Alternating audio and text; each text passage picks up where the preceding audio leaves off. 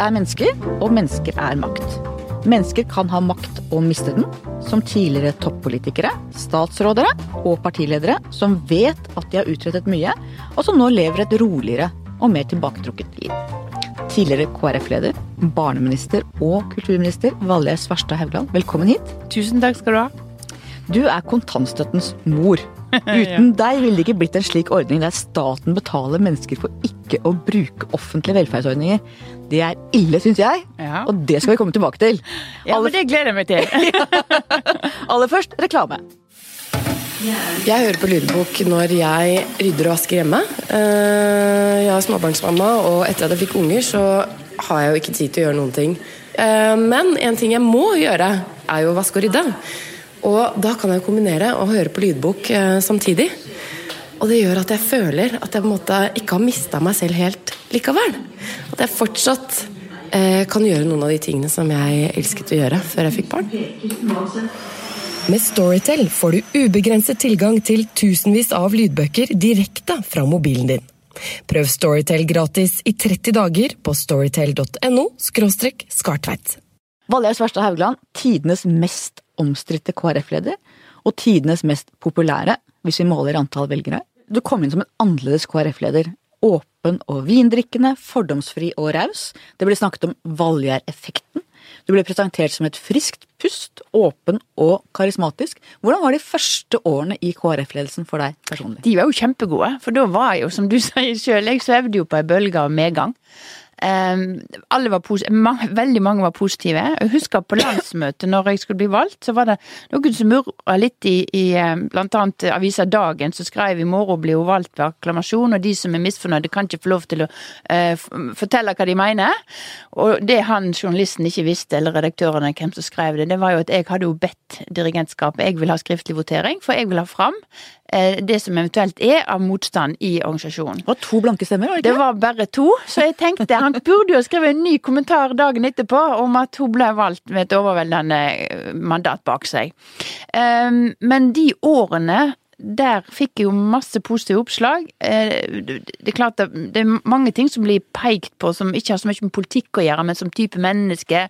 Eh, Du nevnte vin, eh, neglelakk og alt dette her, som ikke så veldig mange KrF-ere hadde liksom blitt hefta med før.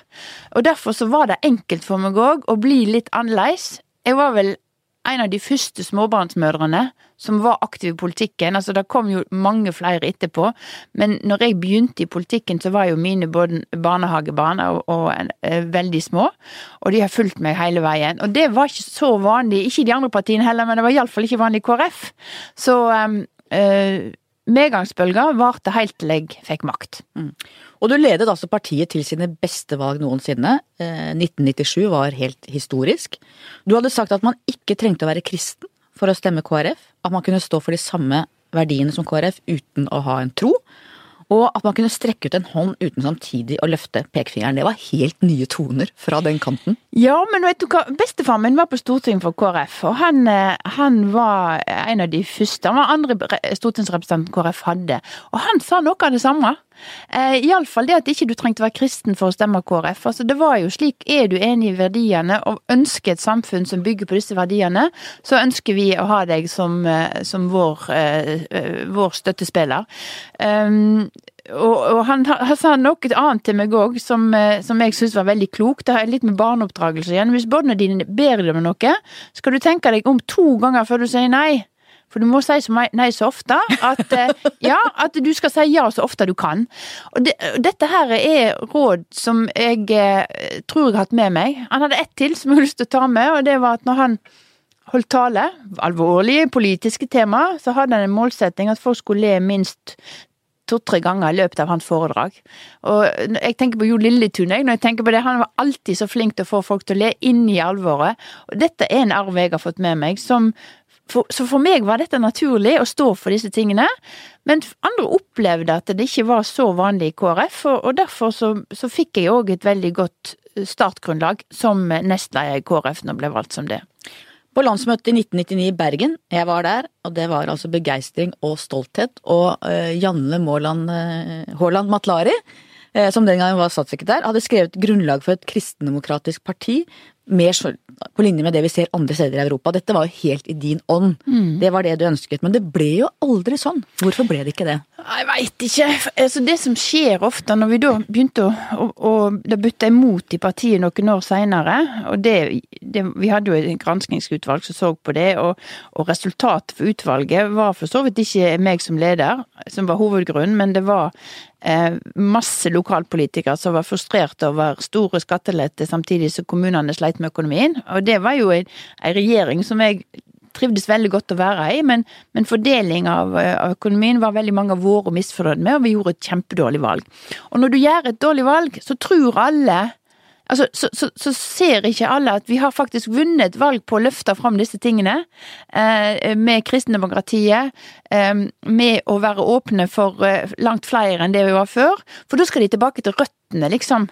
Og så er ikke det, det trygge. Alle, ja, ja, det er trygge, men samtidig så er ikke det alle som er helt klar over hva røttene har vært. Røttene i KrF er ikke bare vestlandsk og bedehusmiljø, det er langt mer enn det. Det er jo litt rart at det ikke er plass til et sånt parti i Norge, er det, ikke det? Jo, jeg synes det er jo plass til det, men de er, de er for små i dag, eh, syns jo jeg. Og jeg tror potensialet til KrF er langt større enn det de klarer å få ut av velgerne i dag. Men da må du på en måte bygge videre på disse gode vibrasjonene som vi klarte å få til. Eh, og så må, du, må, det, må vi være gjenkjennelige. Det skal nesten ingenting til før en del av de eh, som ikke var helt enig i den retningen, da. Ja, der ser dere, det går ikke bra. Og så tror de at det blir bedre med å gå tilbake til noe som faktisk ikke var det opprinnelige, men som, som noen tror er det tryggeste og beste. For bildet av deg snudde. Vi fikk aksjonen Kvinner mot Valgjerd. Mm. Du var kanskje Norges mest omstridte politiker. Hva var det som skjedde?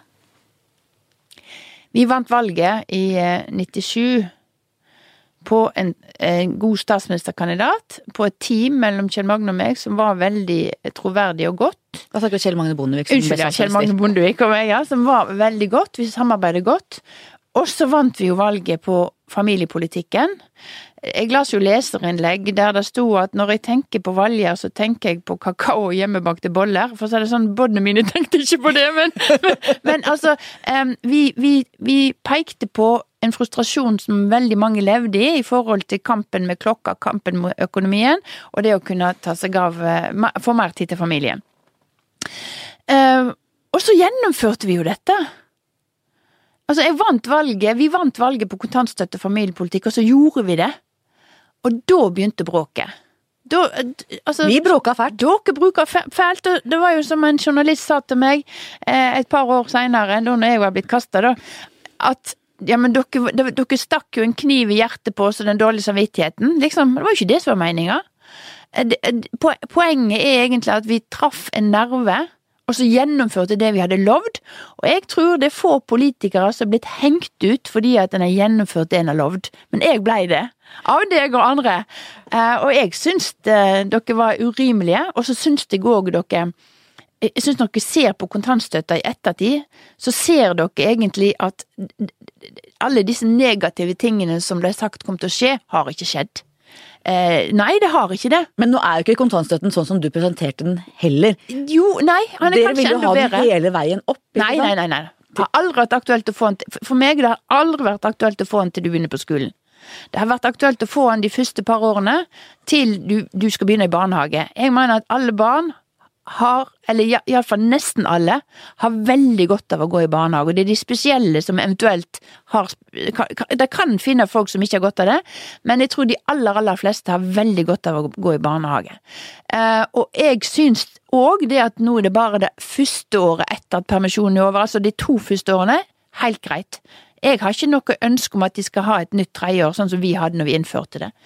Eh, så den tilnærminga syns jeg er positiv, og at det blir en høyere søm, men, men kortere tid. Men bare et sånn konkret eksempel. Nå har jeg en datter som har en sønn på elleve måneder.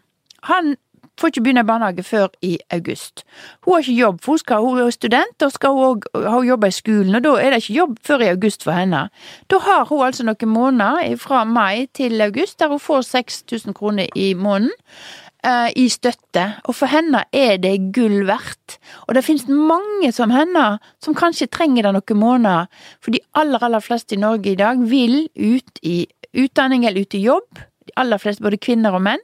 De ønsker ikke å være hjemme mange år. Men her har de altså fått et pusterom. Um, og for, for min, min, kamp for kontantstøtte var akkurat dette pusterommet ville gi folk. Og så er det veldig mange som sier ja, men hva med innvandrerne, innvandrergruppene? Og da, når den diskusjonen går, så får du inntrykk av at kontantstøtten varer til barna skal begynne på skolen, men det vet du jo at den ikke gjør.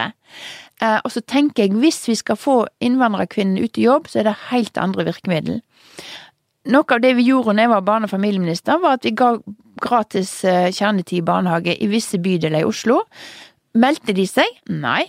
Hvordan fikk vi de ut i barnehage? Vi måtte gå på dørene og invitere de, og så fikk vi det til. Altså, vi må rett og slett oppsøke de, vi må få de ut i norsk utdanning, vi må få de ut i, eh, i eh, ut av isolasjonen. Og en kontantstøtteforhold til er ikke det som holder disse hjemme. Jeg syns det er å skyve den gruppa foran seg i forhold til å gi dette pusterommet til eh, Du kjenner det? At jeg, jeg, jeg, jeg Du er helt tilbake, du nå. Ja, på mange måter så blir det fordi at jeg blir så oppgitt av den forenklinga og idiotiseringa som mange gjør av kontantstøtten, og, og den skaden som mange påstår de gjør. Men det er jo veldig underlig prinsipp å skulle gi kontantytelser til de som ikke bruker en offentlig tjeneste. Det er et helt nytt prinsipp i, i Norge. Vi, bor, vi gir barnetrygd til alle barn, eksempel. Ja, men Det er ikke som erstatning for noe du ikke bruker, det er en, det er en del av skattesystemet. Ja, det det, en det er en støtte til barnefamiliene. Dette er òg en støtte til barnefamilier. Så nå snakker jo Arbeiderpartiet om en ventelønn mellom eh, permisjon og barnehageplass. Det er jo det samme, det er bare at de, tør ikke kalle det kontantstøtte, men prinsippet er det samme. Og norske kvinner og menn i dag er så fornuftige at de blir ikke hjemme i to år fordi de har kontantstøtte, men de blir hjemme til de har fått en jobb, til de har fått en barnehage. Og da får de dette pusterommet eh, som dette var meint å være. Eh, og, og og derfor er jeg ikke Ja, ok, de får en støtte. Eh, de som er så heldige å få barnehageplass, de får mye, mye mer i økonomisk støtte. Men sånn er det med sykehjem, sykehus, de som er syke yep. får mer støtte. Sånn, det er jo sånn velferdssamfunnet vårt er Ja, bygget opp. nemlig, det er det. Akkurat her så er det ei gruppe da, som får hjelp i de årene. Mange i etableringsfase, mange kanskje i utdanningsfase, eh, og mange venter på å komme ut i jobb. Det er ikke alle som Iallfall jeg var, når jeg fikk mitt første barn, hadde jobb og hadde permisjonsrettigheter. Den var jo ikke så lang den gangen, men, jeg hadde alt på stell. Eh, I forhold til eh, både økonomi Det er ikke alle som har det sånn. Og her gir de altså en, eh, en støtte som de er veldig glad for å få, eh, men som ikke er noe som holder de hjemme. Det, det, altså, det, det at de blir, de blir bundet opp til kjøkkenbenken og alt dette, syns jeg er bare idioti å høre på. Her blir vi ikke enige. VG har tatt avstand fra kontantstøtten ja, kontinuerlig på lederplass i alle år. Det kommer vi til å fortsette med. Ja, men jeg syns dere skal se egentlig litt på rett og slett på det konkrete resultatet, og hvem som bruker det, og hvorfor det blir brukt. Men hvis du ser for eksempel Brochmann-utvalget som går inn på hele velferdsstatens bærekraft i møte med Ja. nykommere, Ja. de anbefaler jo veldig å ta den bort. Ja, men kontantstøtte er blitt et skjellsord, og kontantstøtte er er- på en måte det blir diskutert ut ifra et negativt utgangspunkt, fordi at som du sier, du får støtte for, eh, for, eh, for å ikke motta Altså, du får støtte for noe som du egentlig ikke trenger støtte for.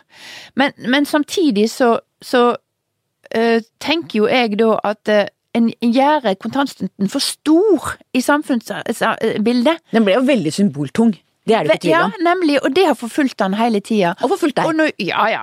Det, men når Jonas Gahr Støre snakker om den der ventetida, så er det ingen som tar han. Og det er jo det samme saken. Det er jo egentlig den samme saken. Og den skaper ikke eh, et dårligere Velferds-Norge. Tvert imot. Og du ble altså kritisert av høyresiden i Mm. ditt eget parti, og av venstresiden i politikken. Du var for urban for Vestlandet, og for mye av en vestlandsk pietist i storbyen. Du var litt som en innvandrerungdom som ikke føler seg hjemme noe sted. Jeg føler meg hjemme overalt, jeg. Jeg føler meg hjemme på Vestlandet, og jeg føler meg hjemme her jeg bor. Jeg flytta til Bærum nå og har det veldig bra. Eh, Men du skjønner hva jeg mener? Du Ja, jeg skjønner hva du mener. Jeg skjønner hva du mener. Men eh, jeg har vært i mange av disse konservative delene av KrF-land, og jeg blir varmt mottatt. Eh, jeg har mange gode opplevelser for den tida som jeg reiste rundt som partileder og eh, politiker. Så det, det er nok mer et medieskapt bilde enn eh, bilde av virkeligheten, dette her. Du er yngst i søskenflokken på fem, og moren din var veldig svak da hun var gravid med deg. Og legen rådet henne til å ta abort, og hun oppsøkte en spesialist som sa at dette kunne gå bra, og det ble til deg. Og det er litt av en inngang til abortdebatten. Ja, jeg, jeg syns det var interessant å diskutere det der med mor og far. Eh, og, og, og, en av de tingene som jeg er veldig klar på, det er at hvis mor og far hadde fått beskjed om at dette overlever ikke du, så måtte de prioritert måtte de prioritert de fire bodene som var født, og eh, familien. Eh, jeg, jeg, hvis, det er så, hvis det blir satt på spissen, så er det noen som sier det at da må mora prioritere det ufødte barnet. Men der er jeg uenig. For, det, for tenk på disse fire søsknene som hadde mista mor si. Mye verre enn at jeg ikke skulle bli født. Så jeg, den ballasten òg syns jeg er ganske viktig å ha med seg for å få en nyansert abortdebatt. Har din tilnærming til abortdebatten vært den samme gjennom hele ditt voksenliv? Ja, det har han nok. Men jeg ser jo mer og mer at, eh, og som så, så vidt òg eh, KrF ikke står for, dette med nemndsystemet er problematisk. Er det, noe, er det noe reelt alternativ til dagens abortlov? Det er det nok. Fordi at det kan være en del kriterier i forhold til når abort skal eh, innvilges, og når det ikke bør innvilges. Ja, sakskriterier, altså ikke uke, ikke antall uker? Nei, ja, nå tenker jeg helsemessige kriterier. Det, det går godt an å diskutere det. Um, så ser Men da er det jo tilbake til illegale aborter, da? Ja, det kan hende du Altså, det, nå er jo velferdssamfunnet så mye bedre at uh, jeg tror nok de illegale abortene er en uh, historie, samme hva som skjer, fordi at en har så masse støtteordninger. Og, det er, og så tenker jeg òg at det å gi råd til unge kvinner som er usikre, er viktig. Eh, jeg kjenner jo flere unge jenter som har fått ett råd, og det er å ta abort, og sjøl har stått opp imot og sagt nei, dette barnet vil jeg ha. Og de beundrer jeg. Fordi at legen sier abort, eh, læreren sier abort, helsesøster sier abort, alle sier abort. Nei, dette barnet skal jeg ha og så gjør de allikevel. Og det, det syns jeg er, er, stort å oppleve. Samtidig så ser jeg jo at her er det veldig mange vanskelige problemstillinger for mange. Og du har incest, du har voldtekt og alle disse tingene som, som uh, Det å kreve at noen skal bære fram et barn med den ballasten, det syns jo jeg er veldig umenneskelig. Uh, så, så uh, det, er ikke noe enkelt. Men det som, det som, er diskusjonen nå, er jo hvor mye skal du vite om barnet ditt før det er født? Det er jo og det da, som er det store diskusjonstemaet. Og da er mitt neste poeng nemlig eh, Jeg kommer til å stå fast på dagens abortlov ja. jeg dør. Mener at det er ikke mm. noe alternativ til at kvinnen selv skal bestemme. Der er du og jeg grunnleggende uenige. Vi er nok det, ja. Men hvis du ser på det svenske, unnskyld, svenske kristendemokratiske partiet, så ja. har jo de forsont seg med abortloven ja. og med kvinnens selvbestemmelse. Ja. Og det jeg tenker om KrFs standpunkt her, er at det gjør at dere alltid, alltid blir frama med at dere er mot abortloven. Derfor vil de andre etiske spørsmålene dere tar opp, rundt eh, hva man kan finne ut av barn på forhånd, rundt kunstig befruktning, rundt en rekke etiske dilemmaer som har kommet nå som ikke var før, gjør at dere når aldri frem i de debattene heller, for at alle vil lese det som at det er deres mm. kamp mot abortloven uansett. Ja, det tror du har rett i. Og ikke minst opplevde vi det med den nye regjeringa i forhold til den abortdebatten som var den gangen, der KrF ikke ville røre eh, frihetsprinsippet, men eh, ville stramme inn. Og, og, det var så masse usaklige argumenter mot forslaget fordi at det ble tolka eh, sånn som du sier. Så det er nok et, eh, et, tema som jeg er sikker på de diskuterer i KrF. Jeg er, ikke, jeg er jo ikke der lenger at jeg er med på disse diskusjonene. Men jeg ser at eh, det er et argument for, eh, for, å, for, å, se hvordan skal vi komme fram med disse vanskelige etiske spørsmålene i forhold til, forhold til utluking lenge før barnet er født. Og teknologien blir jo ikke reversert, den blir jo bare bedre og bedre, det vet vi. Så dilemmaet blir større og større. Og vi har en diskusjon rundt surrogati, eggdonasjon, som jeg har skrevet mye om, fra et ja. helt annet ståsted enn et ja. religiøst ståsted. Men jeg opplever jo de debattene at, eh, at det blir veldig sånn at det blir sett på som veldig konservativt og verdikonservativt og nesten litt sånn blir nesten mistenkt for å være mer del i KrF hvis man er mm. restriktiv i de spørsmålene. Ja. Fordi at det er blitt en, et rammeverk rundt de debattene som jeg syns er veldig uheldig og veldig leit, egentlig. Ja. Kanskje en skulle satse på å få en helt ny debatt og få fram uh, alle disse tingene på en bedre måte. For det, det som skjer i dag, det er det at folk tar seg til rette, og barna er der. Og dermed så skal ikke dilemmaet være der lenger. Men det er det jo allikevel. Det etiske dilemmaet er det jo allikevel. Og det barnet som er født, er like nylig som alle andre barn, og har like stor rett på både beskyttelse og liv og alt, alt sammen. Men du kan, du kan ikke Jeg har lyst til å trekke fram en gammel sak eh, fra min tid i politikken, der jeg fikk et spørsmål. Det var vel Dagbladet, tenker jeg, det var ikke VG, men det spiller ingen rolle. Hva jeg mente om eh, kunstig befruktning og med, med anonym sædgiver. Jeg fikk et sånn generelt spørsmål om det, og så sa jeg nei, det er jeg imot, jeg syns alle har rett til å vite hvem faren er. Og så ble hele mitt svar satt opp mot da et par som venta barn, og så gikk ut så det sang mot meg. Eh, og den viktigste oppgaven de hadde i livet, det var å skjerme barnet mot meg. Ja, det, det ble sagt i intervjuet. Eh, og så tenkte jeg at eh, den koblinga som Dagbladet gjorde, den syns jeg var veldig, eh, veldig uetisk. Ja, det er det. Eh, det er det ene. Og det andre er at fordi at noen tar seg til rette og gjør ting du er imot, så blir du liksom stempla som, som det verste. Og det, og det, det, gjør at disse spørsmålene er vanskelige, fordi at Altså, utviklinga går. Vi har et vi har et lovverk som ikke blir fulgt, faktisk. Sant? Altså, sant? Og så, når en da peker på det, så blir en fornærma for at, eh, for at en mener noe annet enn det de, de som da gjør disse tingene, eh, mener. For Man må jo kunne si både at de barna som faktisk er her, er alltid velkomne. Ja. Samtidig som vi må kunne ha de prinsipielle debattene om hvordan vi skal gjøre disse tingene i framtida. Ja, Og når, det syns jeg ofte er vanskelig. Det er veldig vanskelig, og når aviser gjør det på denne måten, øh, og det er ikke mer enn en måned eller to, så dette er jo mange år tilbake, ikke bare mer enn en måned eller to siden en av disse hovedpersonene i, eller, i dette paret gikk ut mot meg igjen. eh, eh, på grunn av dette her. Så nei, det er, det er krevende debatter. Eh, og, eh, men samtidig så er det noen som er nødt til å stå for noe, og jeg setter pris på at en òg har en innfallsvinkel som ikke trenger være fra det religiøse ståstedet, men, men det etiske ståstedet i forhold til disse tingene, for det trengs. Og jeg syns altfor ofte i debatten handler om de voksnes behov, og altfor lite om barna. Ja, jeg er enig med deg. Der er vi enige! Der er vi enige. Du er altså nærmest født inn i KrF. Du var inne på enebestefaren din. Begge besteforeldrene dine var jo blant partistifterne. Nei, bare den ene bestefaren min, og så hadde jeg en grandonkel. Nettopp. Mm. Da har jeg lest det. Ja, ja, spiller ingen Men familien var i hvert fall en veldig aktiv KrF-familie i Nordheimsund i Hardanger. Det var ikke så mye opprør hos deg der da? Nei, jeg var et snilt barn. Jeg var en snill tenåring. Jeg, det, det, var, det tror jeg foreldrene mine ble ikke bekymra for meg før jeg ble eh, Fikk på en måte stillinger i politikken der de så hvordan jeg ble herja med i avisene. Eh, da ble de bekymra. Eller kanskje bekymringa kom i den tida, ikke når jeg var ung. Men jeg flytta hjemmefra da jeg var 16. Ja, for du vokste opp på en kristen folkehøyskole hvor faren din var rektor. Ja, han var lærer i Hardanger. Lærer da. Ja, mm, og så var han rektor på en skole i Østfold. Men Ja. der bodde jeg ikke.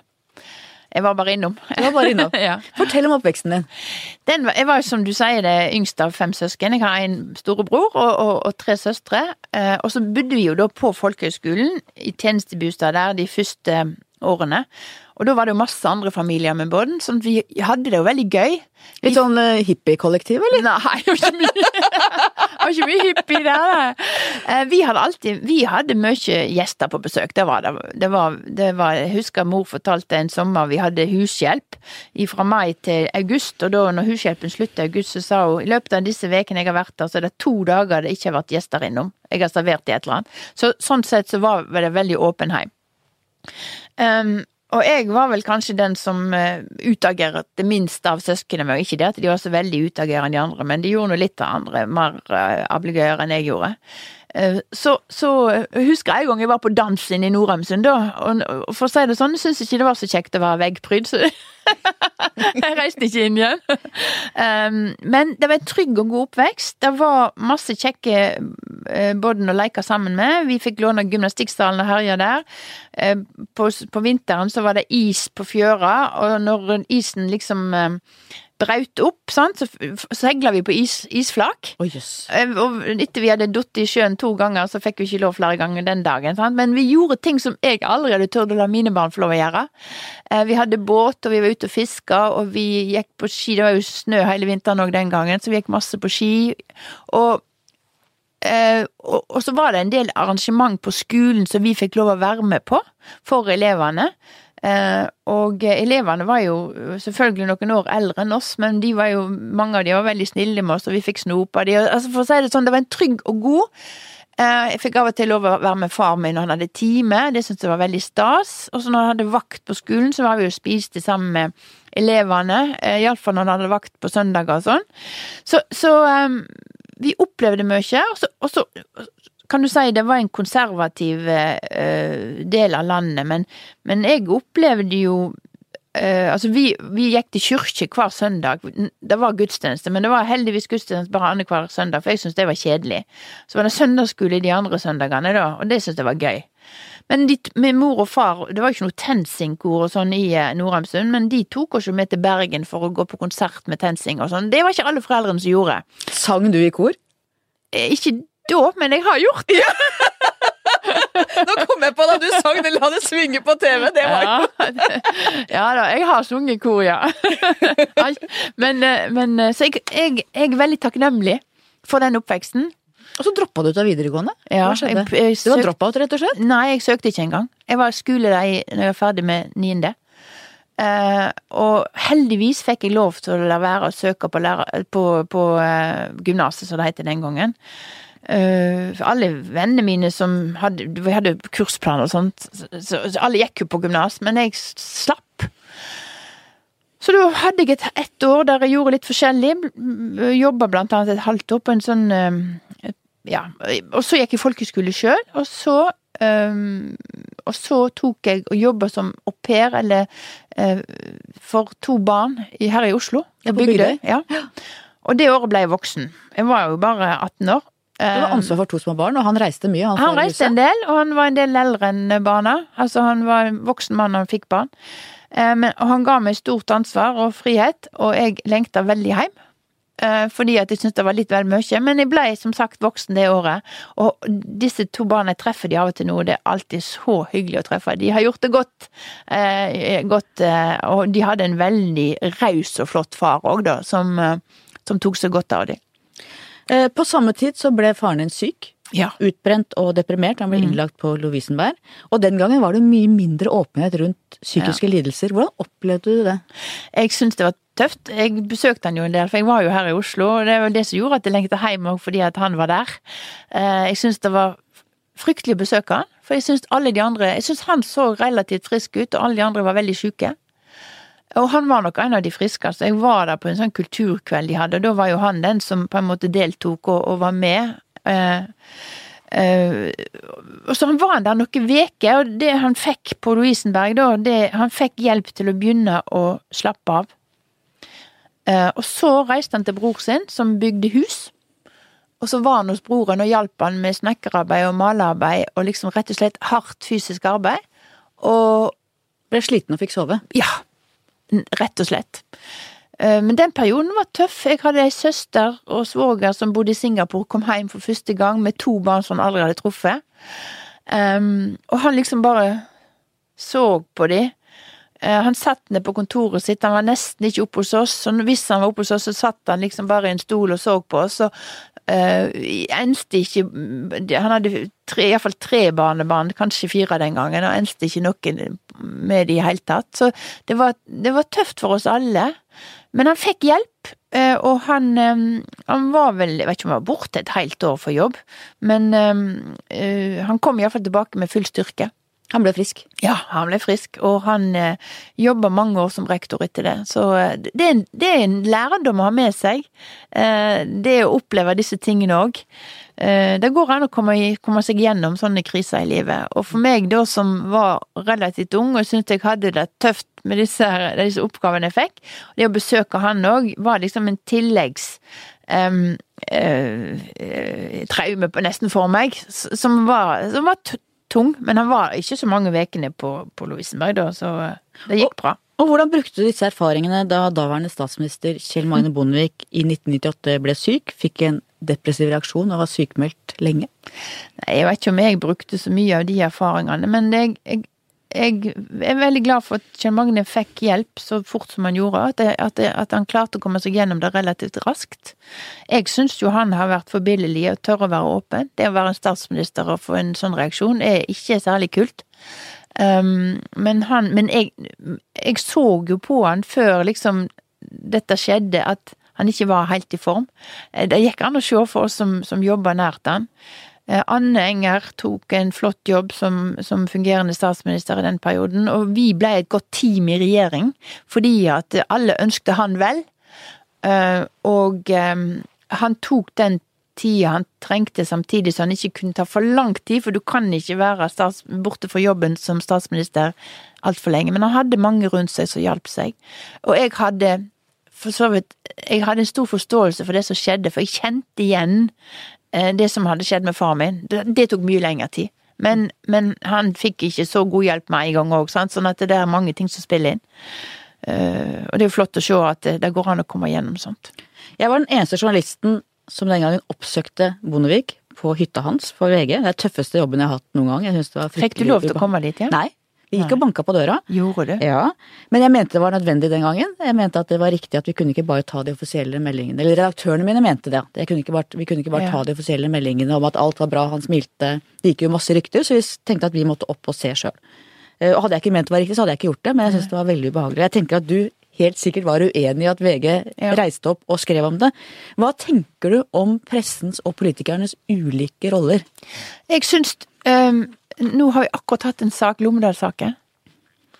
Den var jo vi veldig involvert i fra fylkesmannens side. Mm. Der ble jo VG som eneste helt frikjent, ja. og det er jeg veldig, veldig glad ja. for. Men der, var, der, ble det skrevet og sagt så mye, både av media og Barneombudet.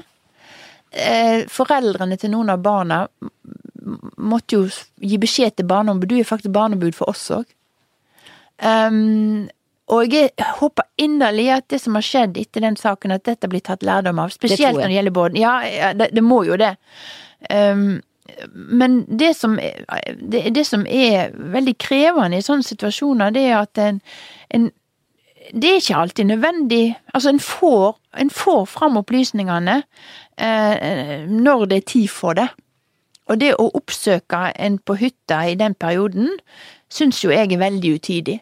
Og jeg syns jeg, jeg, Det var jeg forberedt på. Ja. ja.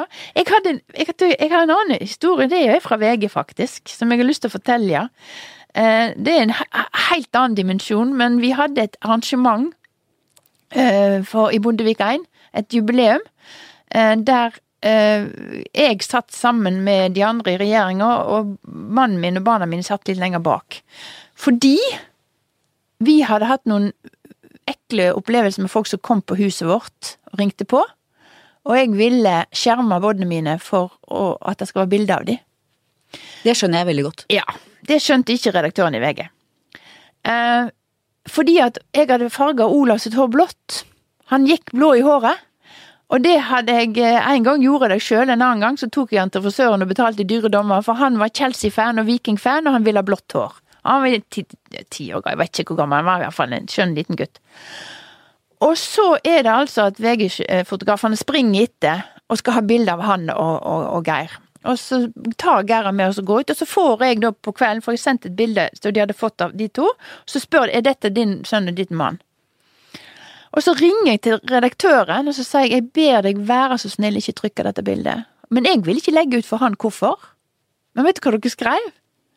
Ja, her er bildet av eh, mannen til Valjer og sønnen med blått hår, noe moren angivelig ikke skal være særlig glad for. Så de, dere tolker det som at jeg ikke vil ha bildet fordi at han hadde blått hår. Og da tenker jeg, hvor idiotisk går det an å være? Og redaktøren svarte akkurat det samme da som, som du sier nå. Han følte det var hans plikt. At det var et, det var et et samfunnsansvar for å ha bilde av han i VG. Nå kjenner ikke jeg den historien, jeg hører bare din versjon. Men ut fra hva du forteller, så tenker jeg at man kanskje kunne gjort det litt annerledes. det var godt å få det sagt! Jeg ler jo av det nå, men da ble jeg sint. Eh, og jeg, snakket med toppsjefen. Men generelt så vil jeg nok si at, eh, at de vurderingene jeg har vært med på i alle mine år i ledelsen i VG, at vi er veldig veldig varsomme når det gjelder barn. Her var vi kanskje ikke det, men vanligvis vi, de, vi bruker mye tankekraft på det nettopp fordi at det er viktig å beskytte Ja, det er det. Og, og for de som har foreldre som er veldig i media, så er det perioder i livet viktig å beskytte dem. Det skjønner jeg veldig Ja. Mm. Jeg har mye slekt i bibelbeltet på Vestlandet, men jeg har alltid opplevd menneskene der som åpne og mye mindre fordomsfulle enn stereotypene egentlig tilsier. Eh, På Finnøy, der var farslekta mi, der hadde de lenge en samboende lesbisk ordfører. ordfører, -hmm. Gro Skartveit, som ikke er langt ute i slekta mi, tror jeg. Ikke Ja, sånn nært, men. Eh, Og det forteller jo, syns jeg, ganske mye. At de velger en eh, venstreordfører som bor sammen med en annen kvinne. Mm. Der. Eh, Og i de liberale miljøene, mer i storbyene, så ser de seg selv som veldig åpne og fordomsfrie, og ser vestlandsmenneskene som veldig fordomsfulle. Litt om toleranse, intoleranse. Hvordan, eh, hvordan ser du på disse tingene? Jeg eh, opplever jo at eh, det er veldig ofte uvitenhet som skaper disse bildene. Folk veit ikke hva de snakker om. De kan bare reise til Vestlandet og oppleve hvordan miljøet er i mange av disse områdene som du nevner. Og så vil de jo finne både kultur og folk som er minst like oppegående som du sjøl som bor i en storby. Så det, jeg er helt enig med deg. Det er veldig mye fordommer, og i stor grad så blir det òg bygd på at ikke en veit. Men samtidig så, så er det jo forskjeller inne i lokalmiljøet. Så jeg hadde jo Jeg, jeg opplevde da jeg var voksen, at ei som jeg vokste opp sammen med, fortalte at hun ikke fikk lov til å bruke øredobber. Jeg, Jeg, vis- jeg la ikke merke til det den gangen, og jeg reiste jo til Gullsmeden og tok hull i, øynene, nei, ørene når jeg var tolv år, og uten å spørre foreldrene mine engang. Um, uh, mens i andre miljø så fikk du ikke lov det- Så det, det finnes nok en del, men, men jeg tror ikke det er så mye igjen av akkurat de tingene som går på sminke og pynt og sånne ting. Da er det spesielle grupper, men det, det store kristenfolk, på seg kirkefolk eller bedusfolk eller hva det måtte være, har eh, er mye mer eh, åpne for andre inntrykk enn det de som påstår noe annet, eh, sier. Og det, det går på uvitenhet. Men så har det skjedd mye, hvis du går til, eh, som jeg vet du syns er en vanskelig sak, Anders Gåsland-saken, Ja. KrF-lederen som sto frem som åpent homofil, og hvor du uttalte at han måtte leve i sølibat Ja. dersom han skulle ha en fremtid i KrF. Ja. Ja, ikke, nei, ikke dersom man skulle ha en fremtid i KrF. Nei da, men jeg var veldig konservativ. Jeg mente det at det å leve ut sin homofile legning var feil. Rent eh, eh, religiøst. Den gangen. Jeg har gått en lang vei i disse fortell om den veien. Eh, Nå er ikke jeg veldig kry av alt det som jeg sa til Anders, da. Eller om Anders. Eh, Jeg var relativt For den første tabben jeg gjorde, var jo at jeg uttalte meg om hans legning og hans liv. Eh, Jeg skulle snakke om politikk, jeg skulle ikke snakke om hans liv og legning. Og det var, det var en sånn voksenopplæring i mediehåndtering for meg. Jeg var ganske fersk. Jeg visste ikke om dette. Jeg, jeg så det på Dagsrevyen. Jeg var sur på han for at han ikke hadde fortalt det til meg. Eh, fordi at det syns jeg han kunne gjøre, for vi snakket en god del sammen. Jeg tror nok han prøvde å teste meg ut. Um, så jeg var ganske sur på han av den grunn, men, men um, jeg sa ting om han som jeg overhodet ikke hadde noe ting med. Har du sagt unnskyld? Ja, vi har, ja, jeg håper det iallfall. Vi har iallfall snakka sammen. Jeg har vært hjemme hos han og spist middag, og vi, vi har et godt for, forhold i dag, ja. Eh, og- jeg kjenner jo uh, samboeren hans òg. Veldig hyggelige begge to. Um, jeg, jeg håper jeg har sagt unnskyld, jeg vet det faktisk ikke, men da, det, det vil jeg gjerne gjøre. Så- men samtidig så tenkte jeg òg at eh, um, eh, det, det er mange av oss som har gått en lang, lang vei når det gjelder disse spørsmålene. Og det samme gjelder jo da på en del av eh, på Vestlandet. Eh, Jeg husker dette er en av de der første sidene der, eh, der eh, mannen min og et av barna våre gikk inn i en butikk. 'Å, der er mamma!' Og da tok han det med seg ut igjen og forsvant. Han var ikke særlig kry av overskrifter, han heller, nei. Nei, så, så jeg har lært mye gjennom disse årene, og òg så lærer du mye gjennom å snakke med folk, møte folk, høre på dem. Prøve å få litt andre og teologiske begrunnelser, fordi at det, det, du kan jo velge litt hvem av teologene du vil Jeg er jo ikke teolog sjøl, så jeg må jo lytte til de som er teologer. Hvem vil du lytte til? Eh, Så, så her er det her Har det vært en lang vei for meg å gå. I dag så har jeg eh, ingen problem med akkurat disse spørsmålene. Det, det, jeg har liksom litt mer om det som vi snakket innledningsvis i forhold til surrogati og sånne ting. Men, eh, men, men eh, homofili eh, er ikke noe stort spørsmål for meg. Det er liksom Jeg har mange venner, eller mange og mange, det er så lett å si du har mange venner som homofile, men jeg har gode venner som er det. ja. Da du ble kulturminister i 2001, så så vi et kulturkrasj mellom Oslo og motkulturen. Du hadde ønsket deg den posten lenge, også da du ble statsråd første gang i Bondevik-regjeringen 1 og ble barneminister. Men mange latterliggjorde deg egentlig da du ble utnevnt. Mm. Var det egentlig det vi også ser i dag, dagens konflikt mellom sentrum og periferi, mellom den såkalte eliten og folk flest? Nei, men du vet, da hadde jo jeg eh, slåss med kontantstøtten og motstrøm. Altså, jeg var jo den, jeg er vel kanskje den ministeren som har lagt fram det mest radikale forslag til endring av likestillingslova av alle. Eh, og jeg fikk kred i to aviser. Det var Klassekampen og, og Ny Tid. Alle de andre slakta meg av kontantstøtten, og de så ikke det jeg gjorde på likestillingsfeltet. Og det ble jeg jo ganske sur for, da, at jeg en kunne se litt videre. Men Er du feminist? Jaha, kjære vene. Eh, I positiv forstand, absolutt. Og eh, jeg syns jeg er veldig opptatt av disse spørsmålene. Eh, jeg har jo en gang blitt møtt med Jeg søkte på en jobb eh, som jeg var mye bedre kvalifisert enn han som fikk jobben. Jeg, uten å skal dra inn hva, hva det gjaldt. Men, men da fikk jeg beskjed at det passet ikke for en småbarnsmor. Dette var før jeg ble politiker. Jeg bodde her på Østlandet. Eller vi skulle flytte østover. Og jeg måtte reise en del i den jobben, så da var det han som skulle ansette meg, som fortalte far min faktisk at nei vi, ja, eh, vi syntes ikke det passet for en småbarnsmor å ha en sånn jobb, Eh, så jeg var ikke innkalt til intervju engang. Men det er det så. Så jeg har jo opplevd en del av disse tingene som mange har opplevd. Um, men hva var spørsmålet ditt? Det var Og det var et kulturkrasj. ja, ja, jo. Og så tenker jeg altså, De sa jo så mye løye, disse forfatterne og eh, kulturfolka, om meg. Eh, for det første så visste de jo ikke eh, hva bakgrunn jeg hadde, egentlig, men de hadde et stempel.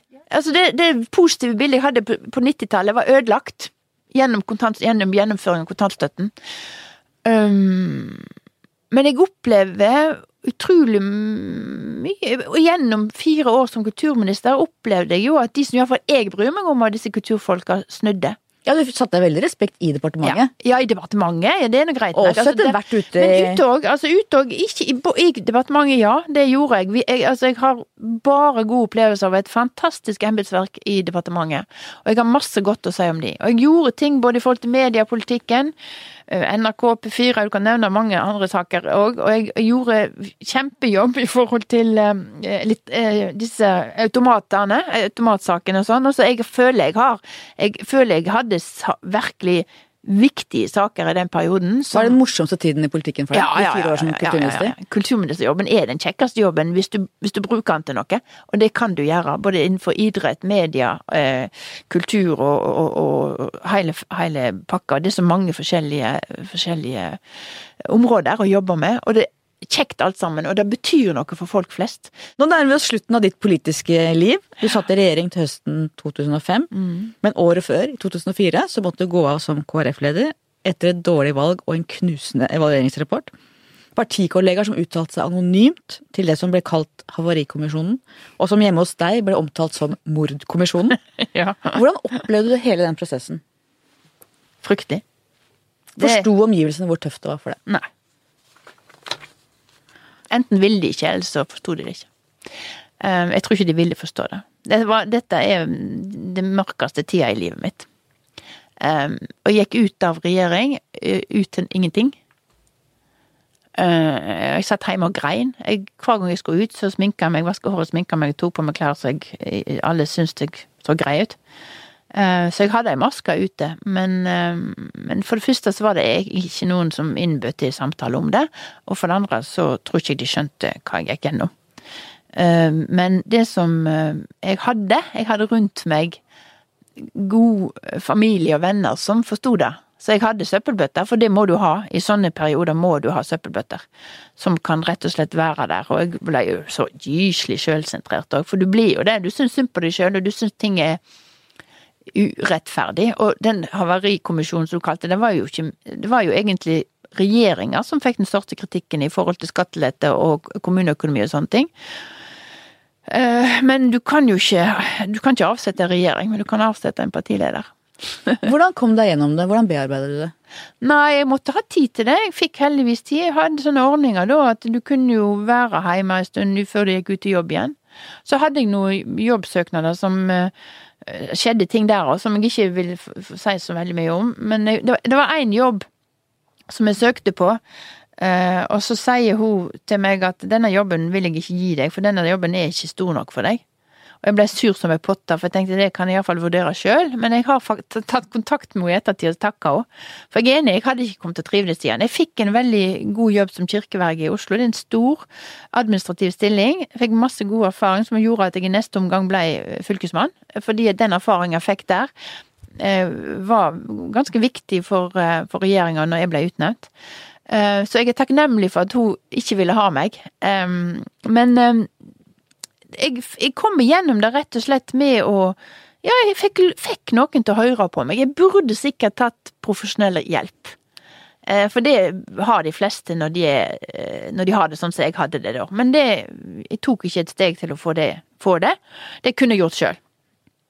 Og i ettertid så har jeg lært mye av det. Du, du, du, du Men dette er ting som sitter i kroppen min. Jeg merker det når jeg snakker om det, at jeg er jo ikke ferdig. Eh, Blir du noen gang ferdig? Nei, jeg tror faktisk ikke det. Eh, fordi at det er såpass eh, alvorlig for, Altså, det er folk som står deg så nær som jeg syns svikter, da. Som gjør at det, um, er ikke lett å bli ferdig med. Har det skada ditt personlige forhold til KrF? Nei. Fordi at jeg tok et valg. Skal jeg eh, kutte ut disse folka eh, og melde meg ut? Ikke melde meg ut av partiet, altså, men melde meg ut av vennskap. Eller skal jeg beholde vennskap? Og jeg tok, har tatt et aktivt valg. Jeg vil heller beholde vennskap enn å kutte ut disse folka. Og det har vært med på Det er jeg glad for. Er det noen som har sagt unnskyld i ettertid? Ja, Jon Lilletun gjorde det. Før, og, og, og, og Knut Arild. Men så jeg har snakka en del med Knut Arild om dette, og, og Jon snakket jeg en del med før han døde. Jon var jo den i politiske KrF som jeg eh, Altså, vi hadde mange gode og fine samtaler. Eh, og jeg savner han enda. Han var jo så flott fyr. Så, eh, så han, han eh, sa jo at han angra på han, Og han ga meg et råd om å, om å trekke meg av hensyn til meg. Jeg hadde jo ikke lyst til å trekke meg, jeg. Jeg hadde lyst til én ting, å være med videre. Det er fighter. Ja, jeg ville gjerne være med å reise både partiet og meg sjøl. men det fikk jeg ikke anledning til, og det, det tenker jeg av og til på. Hva hadde skjedd hvis jeg hadde fått anledning til det? Det får vi aldri svar på. Nei, jeg får ikke det. La oss snakke litt om forholdet til Kjell Magne Bondevik. Du var partileder, men ble allikevel en slags evig nummer to. Hvordan opplevde du det? Nei, det, altså Til å begynne med var det helt greit, og det, men det som ble litt frustrerende, det var når jeg for eksempel kan lese en artikkel i Vårt Land. Eh, Jeg har vært partileder i fire-fem år. Og eh, Erling Rimhaug skriver at eh, han spekulerer hvem er det som skal bli partileder i KrF etter Kjell Magne Bondevik. Oi. Og der hadde jeg vært partileder i flere år når han skriver dette her. Sant? Og jeg opplevde jo en del sånne ting som Det, det går jo litt på sjølfølelsen og forfengeligheten løs når du, når du leser sånt. Og det gjorde meg sint. Um, det som jeg er lei meg for, det er at jeg ikke fikk en periode uh, aleine.